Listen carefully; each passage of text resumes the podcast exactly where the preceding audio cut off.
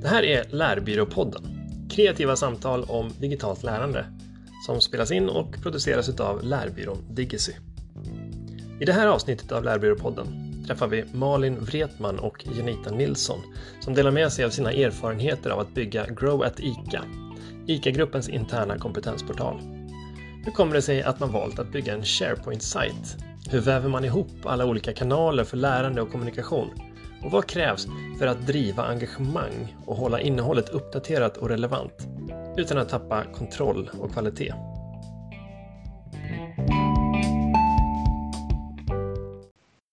Då så, hej och välkomna till Lärbyråpodden.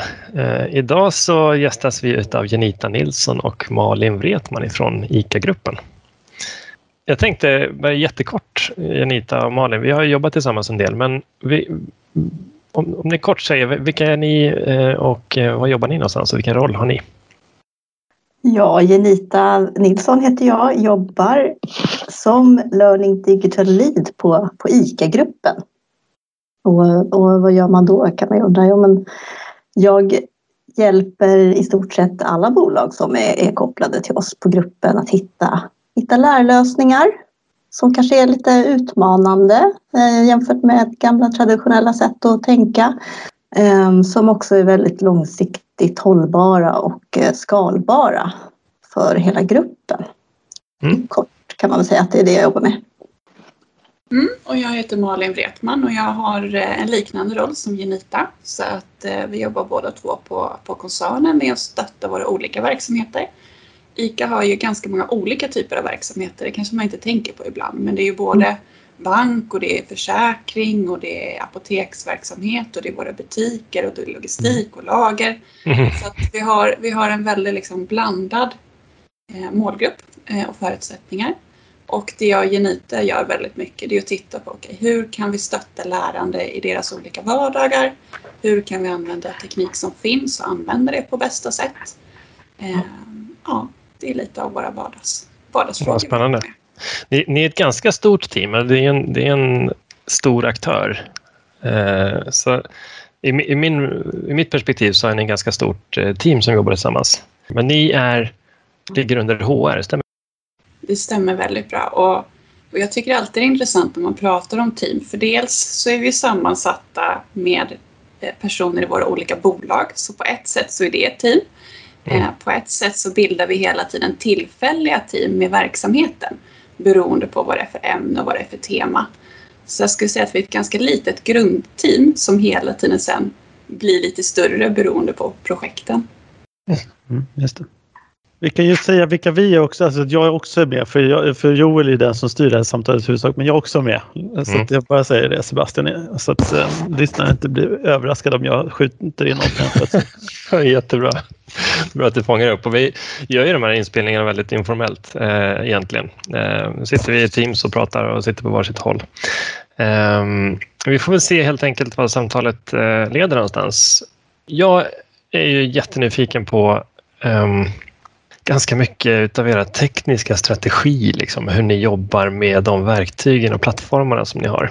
Um, vi har ju fått eh, förmånen att jobba tillsammans och producera en del innehåll eh, med utbildningsinnehåll och kommunikationsinnehåll. Och det, egentligen är väl ett startskott för er, i alla fall på det sättet som, som vi har sett det, det är att ni började jobba i SharePoint och bygga sajter med Eh, som utbildningsplattformar, skulle jag kunna kalla det. Um, kan inte ni berätta lite om vad, vad var det som gjorde att ni valde att bygga i SharePoint och inte i ett LMS så som många andra har valt att bygga sina utbildningssatsningar? Ja, men vi kan väl backa bandet för det här var ju, vad kan det vara nu, ja men eh, snart två år sedan eh, som vi satt i de här dialogerna och det vi funderade på var för att just då på ICA så hade vi pratat otroligt mycket om lärande. Vad viktigt det var för ICA att, att jobba strategiskt med den här frågan för att hålla oss relevanta, för att hålla oss konkurrenskraftiga. Så att det fanns ett väldigt stort sug i organisationen efter att jobba med sin lärförmåga. Mm. Men man visste inte exakt hur man skulle göra det här. Så vi hade varit väldigt duktiga på att liksom driva kulturen, driva mindset, driva tänket och började ju då liksom få det här, men hur gör vi då? Hur kan jag öva på min egen lärförmåga och, vart ska jag gå någonstans? Och det var då vi började titta på, okej, okay, var ska vi lägga material? Vi var ganska medvetna om att vi ville ha blandat material. Text, bild, eh, ljud, film och så vidare. Och vi ville också göra det enkelt. Så vi ville liksom testa en hypotes att om vi laddar upp den här typen av material kommer folk att gå dit och använda det.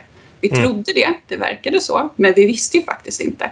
Så då tänkte vi att om vi tar ett verktyg vi redan har in-house, vilket var SharePoint, mm. och så börjar vi liksom testa det och lägga upp det här materialet och bygga materialet där och se ifall det flyger och lär oss av det. Eh, visar sig att SharePoint var liksom inte rätt för oss, ja, men då har vi ändå lagt krutet på att skapa bra innehåll. Just det. Och det är någonstans det som är det stora arbetet. Så, så innehåll får vi i sådana fall flytta, men låt oss liksom få upp det snabbt i ett enkelt verktyg som vi kan börja jobba i här och nu. Eh, och som inte kräver en jättestor investering eller en jättestor implementering. Mm. Det var väl någonstans där.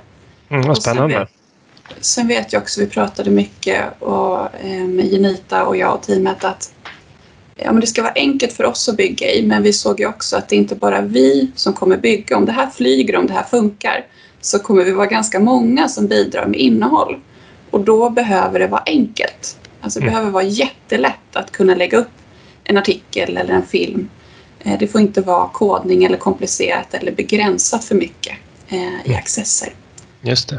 Det jag, tänker på när jag hör, eller det jag tänkte första gången jag hörde eh, om det här, så Eh, i mina öron så låter det, som, låter det som att om man bygger i SharePoint då bygger man en slags, då bygger man ju i intranätet. Eh, ofta är ju intranätet i SharePoint-miljön det är därför man, det är det man jobbar med.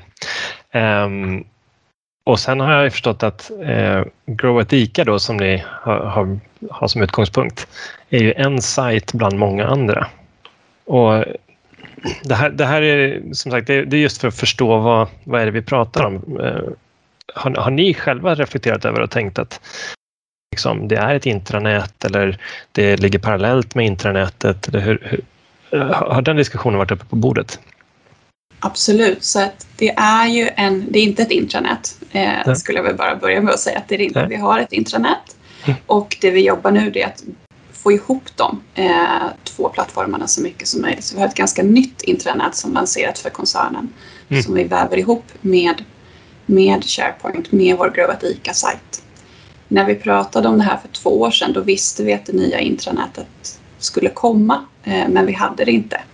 Det. Eh, och vi får väl se hur det här utvecklar sig framåt. Eh, men då så kände vi att ja, det, det kommer komma ett intranät. Låt oss se hur, hur det går ihop. Men låt oss börja nu med att skapa Grovat ICA och framförallt skapa bra innehåll som användare kan gilla och använda sig utav.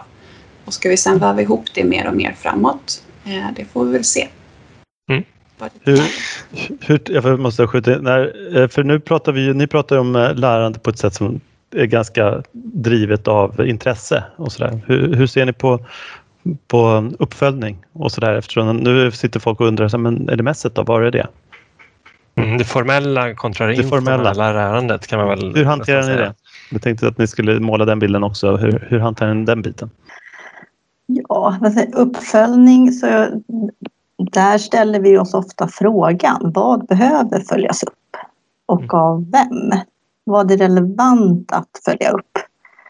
Och för Growet ICA så, så där finns det ju inga uppföljningsbehov som kräver ett LMS till exempel. Vi vill inte att folk, det, det är inga avcheckningar av att saker har gjort eller att folk har gjort saker. Eh, däremot är vi ju väldigt intresserade av vad blir besökt? Eh, vad återvänder folk till? Eh, och hur rör sig folk? Hur hittar man saker? Det är ju väldigt intressant utifrån hur vi mm. fortsätter att utveckla saker och förbättra saker. Men det finns ju inga krav på uppföljning på det här sättet att vissa målgrupper ska ha gjort saker utav det som vi lägger på Grow Etika. Så det här, på ett sätt kan man säga SharePoint är ett eh, ganska så statiskt verktyg med relativt få eh, datainsamlingspunkter egentligen. Eh, och det ni säger är att det är mer som en resursbank liksom, som vid intresse så, så här kan ni få inspiration och, och tips och verktyg och, och så. Det är det som är utgångspunkten för eh, hela Grovotica-sajten då? Ja men precis, allting som, eh, som vi måste tracka och Mm. verkligen ha koll vem har gått vad, det ligger i vårt LMS. Vi har ett LMS. Vi har eh, där man anmäler sig till klassrumsutbildningar och så vidare och gör certifieringar och så vidare. Så det finns i ett LMS. Grovat ICA är precis som Genita beskriver eh, inte någonting som vi måste kunna följa upp på individnivå på det sättet utan där tittar vi mer på vilka verktyg använder man? Återvänder man till sidan? Verkar innehållet relevant? Vi tittar också på indikatorer liksom utanför SharePoint eh, eftersom SharePoint är lite begränsat som du säger Joel i, Mm. i datapunkter. Okej, men delas det i communities? Eh, delas det på LinkedIn? Eh, ber man oss komma och prata om det? Använder man verktygen? Alltså se, har folk tagit till sig av det de har sett inne på Gravatika och börjat göra och börjat använda det? Så att det försöker vi hålla örat mot mot. Liksom. Just det. Så, men skulle man kunna säga att, att eh, eh, Learning Management-systemet och LMS det är som en kanal och SharePoint är en annan kanal? Eh, och Teams då till exempel, det blir ytterligare en kanal. Men, men alla de här tillsammans bidrar till en helhet. Är det en tokig sammanfattning tycker ni? Nej, jag tror vi har massa olika kanaler, precis som du är inne på Joel, att det finns många olika för olika syften. Och sen så försöker vi ju bädda ihop dem så mycket som det bara går. Mm. Eh, SharePoint funkar ju väldigt bra inne i Teams till exempel. Just det. Just det. Eh, och är man inne på SharePoint och man läser om eh, förändringsledning så finns det ju också att du kan komma till våra kurser och så vidare som ligger i LMS kring förändringsledning. Så att vi kopplar ju ihop dem hela tiden. Så att de inte ligger som helt separata Mm. öar om man så vill säga. Mm. Så nu när ni har jobbat i, nu har ni haft det här ett par år. Eh, hur, har, har ni kunnat se det där också liksom, utifrån hur, hur utbildningarna har använts och besökarna som har har varit på de här sidorna? Eh, har, har ni sett att ni kunnat använda det som en utgångspunkt för nya satsningar och sådär? Eh, har ni, har ni liksom sett de, de resultaten än och kunnat implementera det för att bygga vidare och så vidare? Absolut, så när vi, när vi startade Grövatika så, så hade vi just learnability i fokus, liksom lärförmågan. Det var vårt första kompetensskifte om man vill säga det så. Mm, det. Eh, och det märkte vi att det fick väldigt bra gensvar. Folk var där, folk besökte det, man började prata om man började prata om Gravatika. Sen har vi ju byggt på det med förändringsledning, analytics, automation, digitalisering. Ja, ni, ni vet ju de här Vi känner bitarna. till de orden. Ja. så, så att de har ju varit med och det märker vi att när vi har lanseringsveckor, det är väldigt, väldigt stort intresse, det är väldigt mycket aktivitet. Men kanske mest också mellan lanseringsveckor så märker vi att folk kommer tillbaka, återbesöker sidan, stannar på sidor, delar i sina liksom, teamsgrupper och communities tips som länkar. Och det, det säger väldigt mycket. Laddas Mm. de här verktygen ner? Det kan vi ju se. Och det gör de. Just det, det är de här verktygen också ni pratar om för det är ju liksom stöd och instruktioner och, och så. Och de ser ni att de används verkligen nu utifrån. Yes. Mm. Så att även om vi inte kan se har man använt dem på rätt sätt, alltså rummet när de har använt Nej. det, så kan man ändå tänka att okej, de har laddat ner det Ja. och de har varit på sidan. De återvänder på sidan, alltså borde innehållet vara relevant för dem, för annars skulle man nog inte gå tillbaka. Verkligen. Ja, men det här är så fascinerande tycker jag. För på ett sätt så kan man ju bemöta det här ganska skeptiskt tycker jag. Att man, man bygger liksom en, en sajt med ganska så statisk information. Och vad är det som, vad är det som egentligen skulle dra användaren dit? Och att återbesöka en sida eh, jämfört då med en, en digital utbildning till exempel om man nu pratar om kursen eller innehållet om learnability som du var inne på. Vad är det som gör att man återkommer till en sajt? Eh, Det, det, är, det, är, så, det är en, en sån där fascinerande fråga för jag ser ju att det funkar. Eh, Men jag, ja. Vad tror ni är framgångsfaktorn där? Jag, jag tänkte precis säga det Joel, att jag tänker att den är ju inte så statisk. För vi har ju ett nyhetsflöde hela tiden som varje vecka uppdateras och det ser vi att det drar ju besökare. Och vi pushar det nyhetsflödet med liksom små teasers i olika jammerkanaler och så vidare. Så att där har vi ju ett sätt att komma in. Vi har ju regelbundet pushar kring våra ämnen som ligger. Eh, liksom en Analytics-podd som gick ut nyligen som vi liksom uppmärksammar och drar då trafik tillbaka in. Så det. det sker ju kommunikationspushar hela tiden och sen så ja, men den som vi varit inne på, den här gemensamma toolboxen som vi har där flera kan gå in och ladda upp sina verktyg där man kan hitta kring agilt, kring förändringsledning. Här finns alla verktygen samlade. Det märker vi också drar trafik, att man går dit och tittar. Jag måste säga också att ni, ni har ju, eh, vi har ju sett i, ett, i några sådana här lanseringar att ni är ju väldigt duktiga på att, att, att driva intresse från, i, i uppstart också. Att göra riktiga lanseringar som verkligen syns. Och, eh, det måste ju vara alltså, första förutsättningen för att folk överhuvudtaget är medvetna om att det kommer någonting. Eh. Kan ni berätta lite grann om hur, hur, ni, hur ni jobbar med de här lanseringarna? Det har vi ju varit ehm, med från början när vi började lansera nya ämnen på Growet ICA så har, det alltid, har vi alltid tänkt en, en gedigen lanseringsplan eh, för att väcka intresse och för att ehm, skapa nya, nya tankar kring området och leda in trafik till Growet ICA. Sen var det väl extra spännande i våras när vi hamnade i den situationen som vi hamnade i och vi var mitt uppe i planeringen av lanseringen för vårt senaste ämne, mm. Analytics. Att eh, då behövde vi ju tänka helt annorlunda. Tidigare hade vi ju haft rätt många fysiska aktiviteter i samband med lansering. För ni har ju den stö allra största delen är ju liksom Solna-kontoret med de Sen, sen är ICA-gruppen större än så, men, men det, det, måste man ändå säga. Och nu som sagt, nu var det ingen där. Precis. ingen är på plats på kontoret. nu var det ingen där.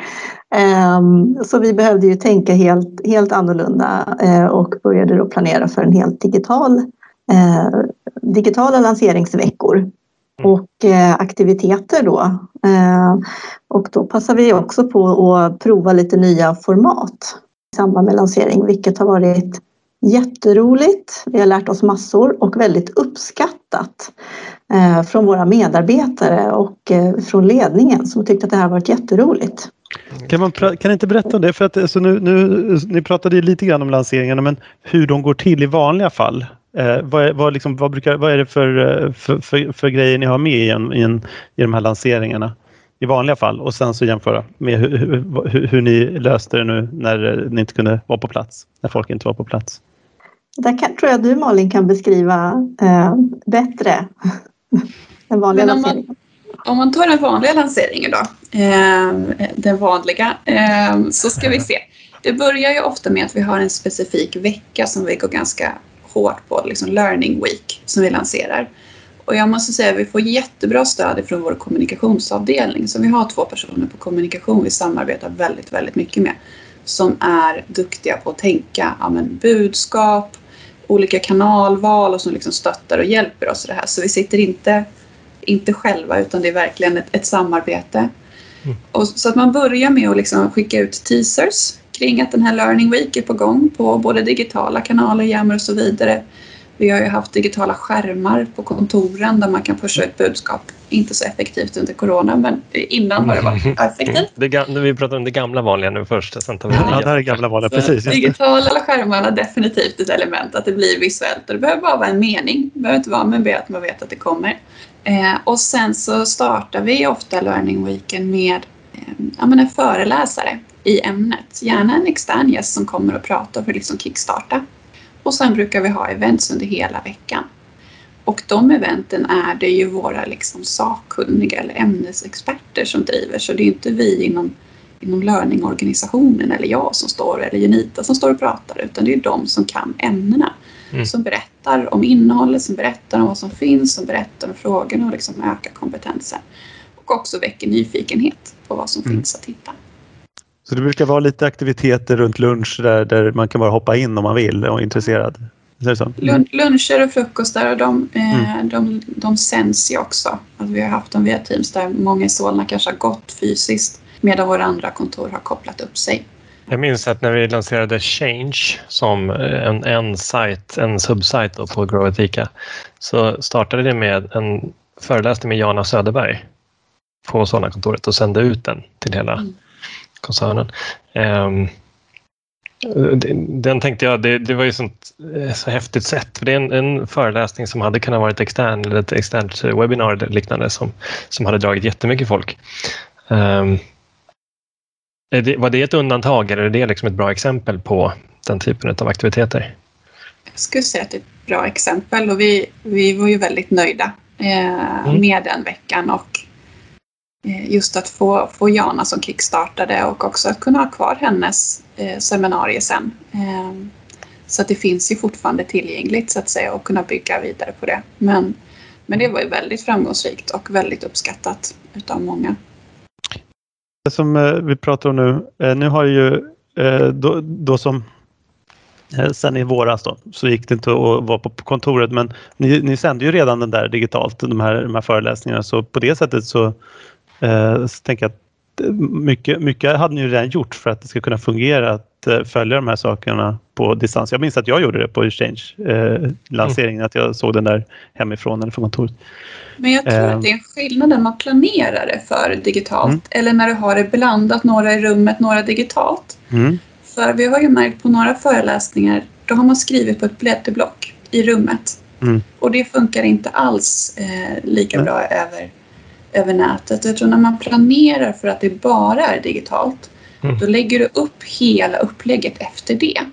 Mm. Eh, medan när du har jättemånga i rummet och jättemånga online och du har det mixat, mm. då, ja jag vet inte, det är någonting där jag som måste, gör det lite jag får dra en parallell till en reflektion vi har gjort eh, för vår del som jobbar väldigt mycket på distans.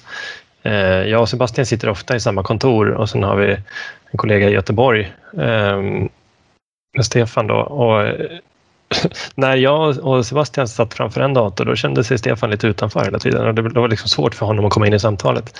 Eh, så det, som, det vi har gjort är att även om vi sitter på samma kontor så sitter vi i varsin dator för att på det sättet ha en mer demokratisk eh, jämlikhet in i mötet.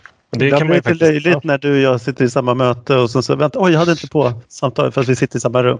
Precis, man tittar över axeln liksom och pratar med varandra.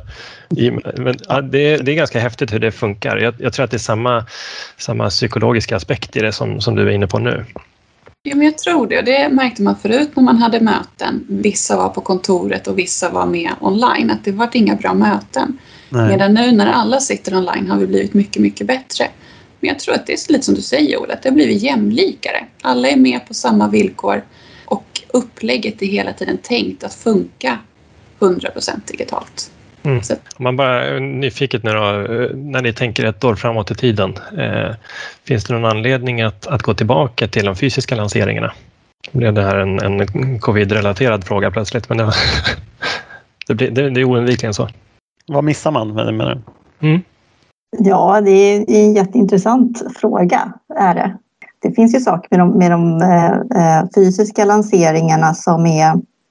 Eh, det är ju jättesvårt att återskapa den här happening-känslan som ändå uppstår fysiskt på kontoren när man faktiskt drar igång en sån här learning week. Den är jättesvår att återskapa digitalt, så att mm. säga. Och är ju ändå eh, uppskattad och eh, ger en viss känsla. Sen mm. finns det ju saker vi, vi har upptäckt ger en jättebra effekt när vi har gjort saker digitalt som vi verkligen vill utforska vidare framåt och återanvända såklart om det ger sådana effekter som vi har sett på senare tid. Mm. Jag tänker eh, podden som vi testade nu, det digitala eh, som ni testade och skickade ut, eh, Genita det är ju definitivt en sån sak som, som vi kommer vilja fortsätta med. Det fick ju väldigt mm. liksom, eh, genomslagskraft och folk gillade det. Så det tror jag, men det är någonting i det, med lite kulturen när man ses, att det, det är svårt att få, få till på samma sätt, den här ICA-känslan ah, mm. eh, i, det, i det digitala rummet. Ja, men det är som ni säger, den happeningen och eh, eh, en föreläsning kan ju ske live och sen tittas på i efterhand. En podd skulle också kunna ske live faktiskt. Ju. Ehm, även om eh, i det formatet som vi gjorde nu kanske man hade krävt lite mer redigering och efterarbetning. Men ehm, det går ju helt klart att kombinera. Jag är helt övertygad om att, att det finns alla möjligheter för det det jag, det jag slås av det är det här, vi var inne på innan vi pratade om lansering, så är det att väva ihop olika kanaler och det är precis det. Nu väver vi in det fysiska mötet eller liksom eh, kontorsutrymmet också som en kanal. Och det är väl det som jag kan tycka, jag tycker att ni gör det så himla bra. Eh, och jag funderar på vad man vad skulle man kunna ta med sig som, som andra kan ta, inte bara som inspiration och känna att wow, vad de är duktiga på ICA, utan vad blir konkreta tipsen liksom? Um, en konkret fråga som jag har tänkt på mycket. När man, när man har alla de här kanalerna och vi tänker Teams, SharePoint. Vi börjar bygga enkelt för att se hur det går och så vidare. Jag har tänkt att på ett sätt så finns det risk att man bygger ett, mon ett monster eh, som blir omöjligt att liksom underhålla och hålla eh, aktivt och uppdaterat. Å andra sidan så om man, eh, om man har full koll och hög kvalitet på allting så, så blir det liksom inte tempo nog. Den här balansen, liksom vad, hur, hur gör man för att inte bara öppna dammluckor och, och låta alla bidra med produktion? Förstår ni frågan där? Hur, hur, vad har ni för strategi för, för att hålla det tillräckligt uppdaterat men ändå så pass eh, hög kvalitet så att det, att det blir givande och bidrar till kompetensutveckling? Vill du börja Malin eller? Ja, alltså jag, eh, jag kan börja och tänka lite högt och mm. spontant bara men jag tänker också att det beror lite på vad, vad det är för typ av innehåll. Eh, jag tycker visst, viss typ av innehåll som verkligen behöver vara så här top notch om vi pratar om vår strategi någonstans och väldigt ICA-specifikt. Eller är det att vi, vi delar liksom tips om hur vi kan använda det senaste i Teams? Alltså vad, vad är det för typ av eh, innehåll och liksom kunskap vi vill förmedla? Då tycker mm. jag att man kan ha lite olika take på det hela. Mm. Eh, så det är det ena. Men sen så tänker jag också kopplat till Grövat ICA där för oss hastigheten och kvaliteten också ligger i just det faktum att det är flera som är inne och bidrar. Jag tänker för varje kompetensskifte vi har gjort så kan man ju se den gruppen som har varit med och producerat innehåll eller kommit med tankar och input. Det är en ganska stor grupp mm. eh, som, som bidrar. Och det tror jag är nyckeln. Att, att det inte fastnar hos några centralt utan att det finns uttalade personer i verksamheten som känner ett engagemang för frågorna som håller det vid liv, som håller det relevant. De ämnena vi har valt som analytics och automation och digitalisering, de, de ändrar ju rätt mycket på sig hela tiden får man ju ändå säga. Så att, att inte ha med sig personer som faktiskt kan hålla det uppdaterat skulle göra att det blir gammalt ganska snabbt, tänker jag. Ehm. Mm. Ja, det är en bra poäng. Det är ju verkligen så. Ni har, ni är väldigt, alltid i ett projekt så har ni ju uttalat vem det är som ska vara ägare av det här innehållet efteråt när det släpps. Det är inte bara ni, ni utbildningsenheten som håller, alla, håller koll på alla utbildningar utan ni liksom lämnar över det till de som kan ämnet specifikt. Eh, det är nog en väldigt bra idé. Och där tänker jag att vi som, eh, vi behöver ju hjälp och stötta det. Man, man, kan inte bara släppa helt och hållet utan hur kan man tänka? Eh, hur kan man bygga? Vad är pedagogiken? Eh, hur sprider jag ut lärande över tid? De här sakerna som vi pratar om naturligt och dagligdags för att vi kanske jobbar med frågorna. Det är de vi behöver in och stötta och hjälpa. Det är precis det här som jag tycker det, är så himla svår balans att eh, få stöttning och hjälp av de där ute, alltså bredda förvaltningen så mycket som möjligt utan att tappa kontrollen. Det, det måste ju vara en, en jättesvår balans att liksom knuffa och, och dra, knuffa och dra. Och skulle man med säga att vi är helt där och allting fungerar precis så som vi vill ha det och det är, liksom, är smärtfritt allting. Nej, absolut inte. Det, det, det vill jag inte liksom säga. Att, men det är väl ditåt vi vill. Så att, så att vi har ju vår, liksom, vår mål och liksom, vårt tankesätt hela tiden när vi jobbar att försöka förflytta oss dit. Sen är ju det en, en förflyttning hela tiden och jag tror vi får, får utmana oss själva, återbesöka Growat ICA, titta på det. Är det fortfarande rätt och relevant? Och liksom hela tiden kolla på det vi har gjort också, producerat och se. Är det fortfarande rätt och relevant eller måste vi göra någonting annat, tänka på något annat sätt? Mm. Jag tänker också på det här som, som du säger Joel med, med tappa kontrollen. Vi, vi behöver hela tiden fråga oss vad är det vi behöver ha kontroll på? Och vad behöver vi, vi inte kontrollera? Så att säga. Um, det, det är jätteviktigt att ställa sig när man då vidgar eh, förvaltningsorganisationen och det är inte vi som ska eh, bestämma och, och driva eh, alla de här initiativen utan det är ju personer ute i våra verksamheter som har det här, får det här på sitt bord. Att hålla vissa utbildningar levande och vissa digitala material levande för att det är deras område och, och att det bidrar till alltså, kunskapsspridningen överlag i hela organisationen. Så där gäller det för oss att också liksom våga ta ett steg tillbaka eh, när det är läge. Men också när vi driver igång de här initiativen att vi verkligen ser till att rätt personer är involverade från början. Eh, så att inte vi sitter och skapar saker på vår kammare för att sedan lämna över. Precis. Det blir inte bra utan eh, man måste få vara med hela vägen och, och förstå vad det innebär, lära sig längs med vägen och våga prova och testa. Eh, så att vi bygger ju relationer så också. Och sen gör vi ju så, alltså där jobbar vi ju också, när vi har jobbat i våra projekt också har vi försökt, vi vill ju att vi ska skapa mallar för att de ämnes, ämneskunniga så mycket som möjligt ska kunna komma in och göra själva. Och, så, och, det, och då blir de ju ägare på ett annat sätt redan från start när de inte bara får något paket som landar i knät på det utan de är med och bygger det.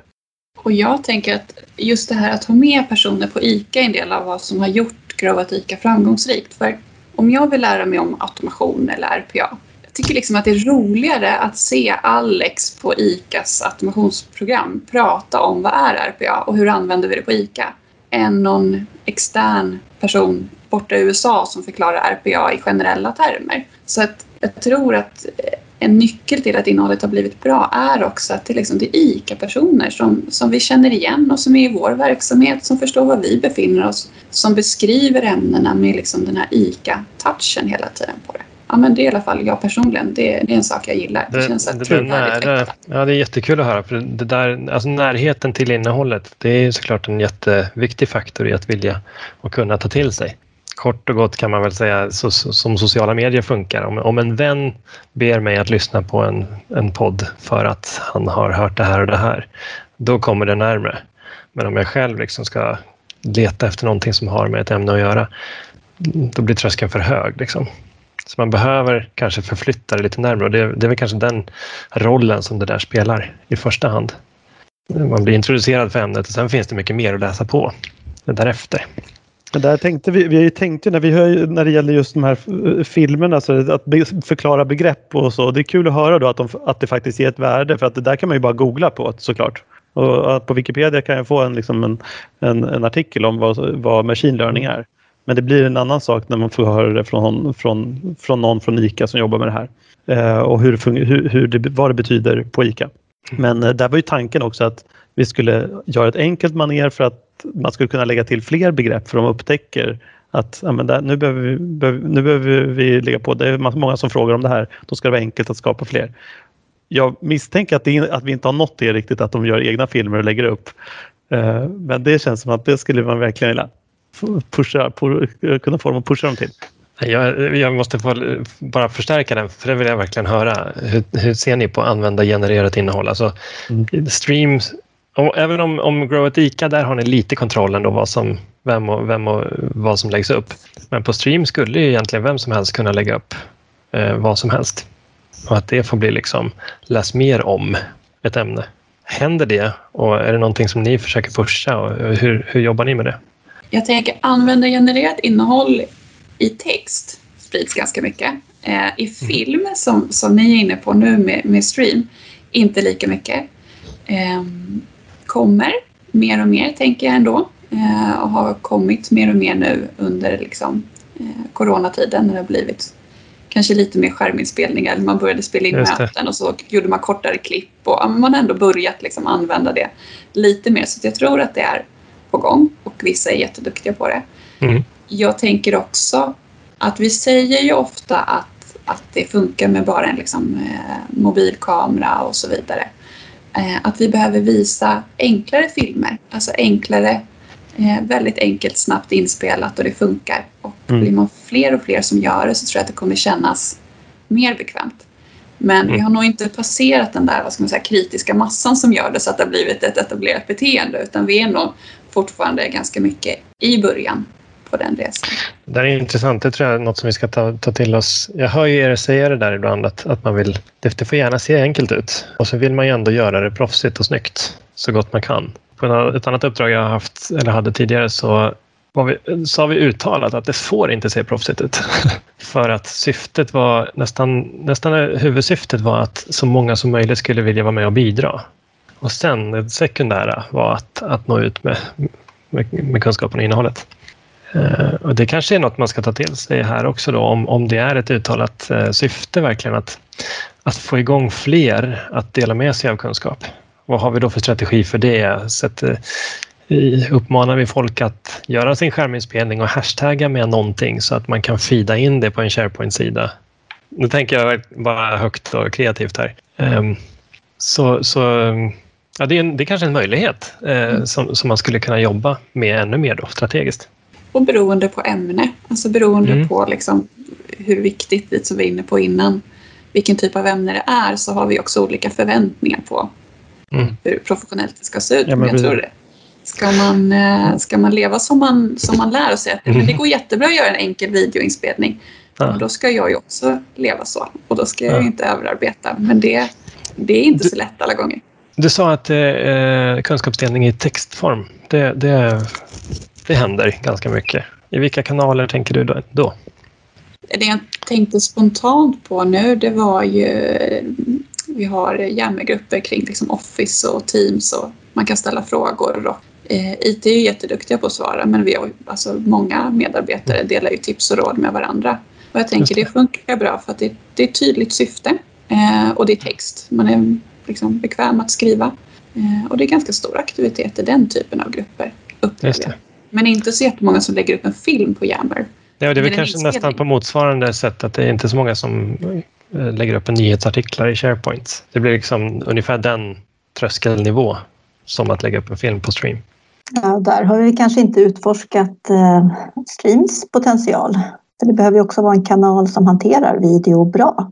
Och jag tror också en nyckel till att få igång att, att våga börja producera Eh, video i syfte och kunskapsdela så alltså, behöver det också finnas väldigt eh, många fina exempel som ändå visar en stor variation på hur video kan användas.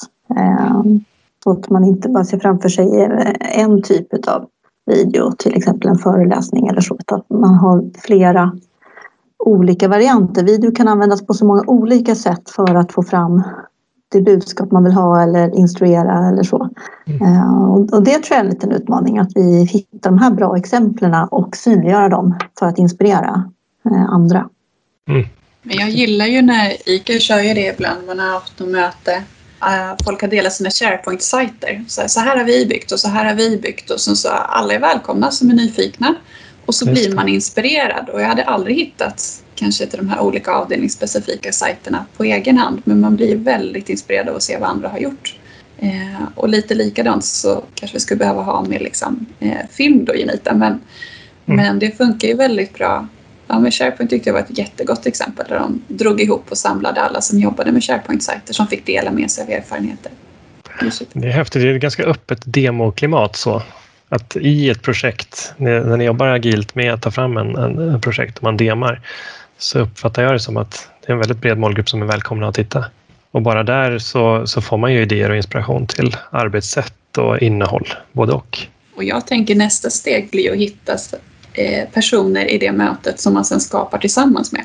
För nu blir vi, vi kommer ju från olika delar av verksamheten, vi går på demos. Tänk att hitta personer i den demon som man sen går ut och, och bygger ihop med. Ja, eller hur? Det, här måste, eh, vi ska börja avrunda egentligen, men här kommer ju Teams, tycker jag, in i bilden. För det är väl där, eh, så som jag tänker att det är där man kontaktskapar och bygger nätverket. Eh, så tänker jag om Teams. Vad tänker ni? Hur, hur använder ni Teams in i hela det här kanalnätverket? Jag vet inte om om jag säger rätt nu utifrån hur vi ska använda det. Men, men jag, kan, jag kan ju berätta oj, oj. Så, som, så som jag använder det i alla fall. Eh, det är Teams för mig är lite granna mindre grupper ändå, alltså projektgrupper, samarbetsgrupper, folk jag jobbar med lite närmare och Jammer är för en lite större, bredare grupp. Eh, jag vet inte om det, men lite grann åt, åt det hållet. Sen så Sen så börjar det här gå ihop eftersom du kan ha Yammer som är liksom tab in i Teams så att nu börjar ju Teams mer och mer bli liksom gränssnittet för allt nästan känns det som. Alltså ingången eller där Exakt, man kommer in ingången till alla olika delar. Till. Mm. Men från början så hade jag nog Teams för mina projekt och de jag jobbar nära med som jag hade ett nätverk till. Eh, och Yammer kanske lite större, lite mera ute i rymden liksom. Och sånt som kanske inte är kopplat direkt till ett projekt då? Från början. Ja. För, för det funderar jag på, för ni, vi, vi har jobbat med er i Teams och då är vi ju, startar vi ett, ett, ett team i ett, i ett, för ett projekt. Men sen i vissa fall så verkar det som att de lever kvar. Eh, hur, hur fungerar det? Är, är, liksom, är det? Fortsätter ni Fortsätter de att leva som, eh, som kommunikationsytor även efter ett, när ett projekt egentligen formellt avslutat? Det beror väl på vad som händer efter projektet skulle jag vilja säga. Men jag vill knyta an till, till det som Malin pratade om eh, tidigare med skillnaden mellan Teams och, och Jammer. Och Jammer är ju lite mer begränsande vad du kan göra med din grupp eller community eller vad nu anledningen är att du, du vill starta en, en Jammer-grupp jämfört med, med Teams. Teams har ju mycket mer funktionalitet kopplat till sig.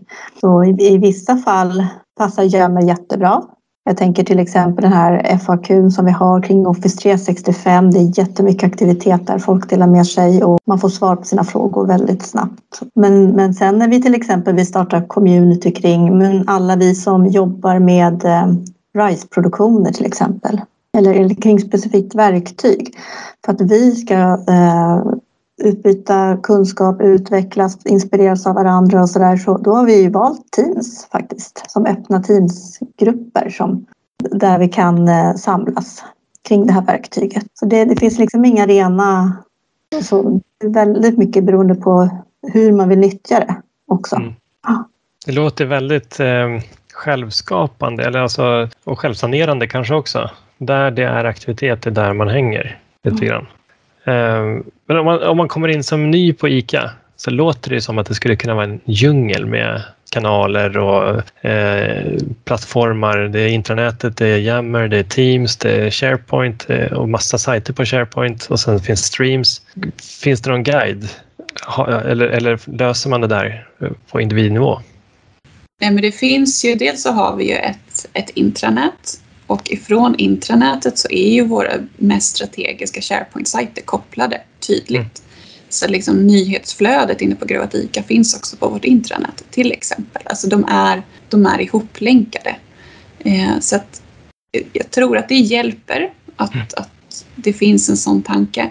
Sen om man kommer in som, som ny på ICA, väldigt stor koncern, eh, olika typer av verksamheter, olika typer av verksamheter och olika verktyg det, det är klart att det, det kanske kan kännas stort och, och mycket. Jag upplevde när jag var ny på ICA att det ändå var väldigt lätt att vara ny just för att kulturen är så otroligt härlig. Det är väldigt familjärt och det är väldigt hjälpsamt och, och man löser det alltid på något sätt. Ehm, mm. Och så finns det bra eh, struktur för till exempel IT-support, liksom den tekniska delarna. Vi har ny på ICA för att lära oss om olika verksamheter. Eh, det finns en liten karta som jag vet jag fick när jag var ny, de här olika kanalerna, vad man ska använda. Eh, men det är klart, det finns mycket vi kan göra där också fortfarande. Ja, det är klart. Och det, det, min fråga blir ju verkligen... Mm. Eh, jag, förstår att det finns massor man kan göra och eh, det, lite grann det, det jag hör i ditt svar är att det är egentligen kulturen som är liksom nyckeln till att, att hitta i hela den här djungeln. Eh, om det hade varit en, en en annan kultur där man inte vågade och där man var rädd för att göra fel, där man, eh, där man var tvungen att hålla sig till guiden och man måste göra si eller så. Då blir det en helt annan utmaning. Med den här, här låter det som att, att det finns en öppen kultur som verkligen eh, ja, stöttar det här agila, verkligen. Sättet att, agila mindsetet om man får säga så. Ja, jag ja. tänker vi har också engagemang som ett av våra värdeord och för mig märkte jag det när jag, när jag var ny att det var men folk är väldigt engagerade och vill hjälpa till och tar sig tid och guidar. Mm. Um, och sen så finns det ju eh, introduktionsutbildningar, lite sånt att gå också. Ja. Välkommen och så här kan du lära dig Office 365 kör de ju regelbundet och mm. lite sådana saker för att man ska kunna komma på banan. Mm. jag tänkte på det angående Teams så där, för att nu har ju det varit, blivit allt mer använt och så vi har använt det själva i, dels internt men även eh, framförallt då i projekt med andra, med, eh, med olika kunder. Och eh, efter ett tag så när, man startar ett, en, en Teams-kanal för ett projekt så är den väldigt aktuell ett tag och sen så, sen så ligger den kvar och sen kommer det nya och efter ett tag börjar det bli lite många. Nu har det gått ett par år här när vi har jobbat så här och det, det börjar finnas några sådana kanaler. Ska vi, när ska vi börja sanera bort dem där? När är det dags att börja ta bort? Mm. De funderar jag på. För att det är, det, det är risk att bli bara en, en djungel av den anledningen. Liksom. Man har det, varit det, många projekt. Nej, men jag instämmer Sebastian att det, det blir många till slut. Och jag tänker att där kommer vi säkert få hjälp av, av tekniken som säger nu har inte du varit i den här teamsgruppen på Precis. tre månader. Ska inte du bara gå ur den? Alltså att det börjar komma mm. eh, mer och mer sånt för att jag tror att många känner igen sig i den problematiken att grupperna och, och kanalerna det bara växer. Eh, och så, samtidigt så har vi Microsofts koll på vart vi är aktiva så att det kanske ja. kommer lite små nudgar som säger att du det här verkar inte vara så aktuellt. Det var ett år sedan du besökte gruppen. Vilket vackert eh, svar ändå. Det hade jag inte tänkt på, men det, det är verkligen eh, det är dit vi är på väg. Det låter väl väldigt mm. liksom, ljust sätt att se på framtiden. Att, Förlita oss på Microsoft. ja, jag ja. tänker att jag har väldigt mycket gamla mappar från gamla projekt som skulle behöva städas. Det hade ju varit fantastiskt om de städade sig själv och jag inte behövde hålla på att arkivera och gå igenom ett, ett år senare. Um, det vill man ju, i alla fall. Ja, det vill man ju verkligen nå. Eh, jag har fått några sådana här mejluppmaningar att nu är tiden ute för det här teamet, du måste bestämma dig. Är, är det fortfarande aktuellt eller är det dags att avsluta? Mm. Ja, och då behöver man ju ta sig i kragen och gå igenom de där mapparna. Ja. Om man kan få hjälp med det skulle det vara underbart. Verkligen. Ja, Egentligen samma med, med all förvaltning skulle man kunna tänka sig. En SharePoint-sajt de, de är statiska. Så, eh, det vore ju fantastiskt om, om det också fanns inbyggt. Liksom. Ungefär som klockan på ett, ett möte. Som nu, nu, börjar, nu börjar jag få påminnelser om att jag har nästa möte om fem minuter. Mm. Så vi ska nog avrunda det här faktiskt. Men eh, vad, ja, vad roligt att få prata med er. Det här var mm, Ja, det, man blir nyfiken på att höra mer. Eh, det finns, det finns så många svar som är svåra att, att paketera på en, en, kort, liksom, ett kort samtal. Så här. Men eh, jättetack för att ni tog er tid att, att, svara på, på våra frågor och funderingar kring det här. Eh, jag tar med mig flera idéer som jag hoppas att, att man kan liksom, jobba vidare med. Mm. Jag hoppas att ni också fick, fick med er någonting av, av samtalet. Det är jättespännande att, att få prata eh, och reflektera och fundera på frågor tillsammans tycker jag. Och sen så ska ni ha stort tack för allt ni har hjälpt oss med på ICA också. Mm. Det är roligt. Det är väldigt roligt att få involvera det. Men tack så, eh, hemskt tack mycket. för det. Tack jag vi fick vara med.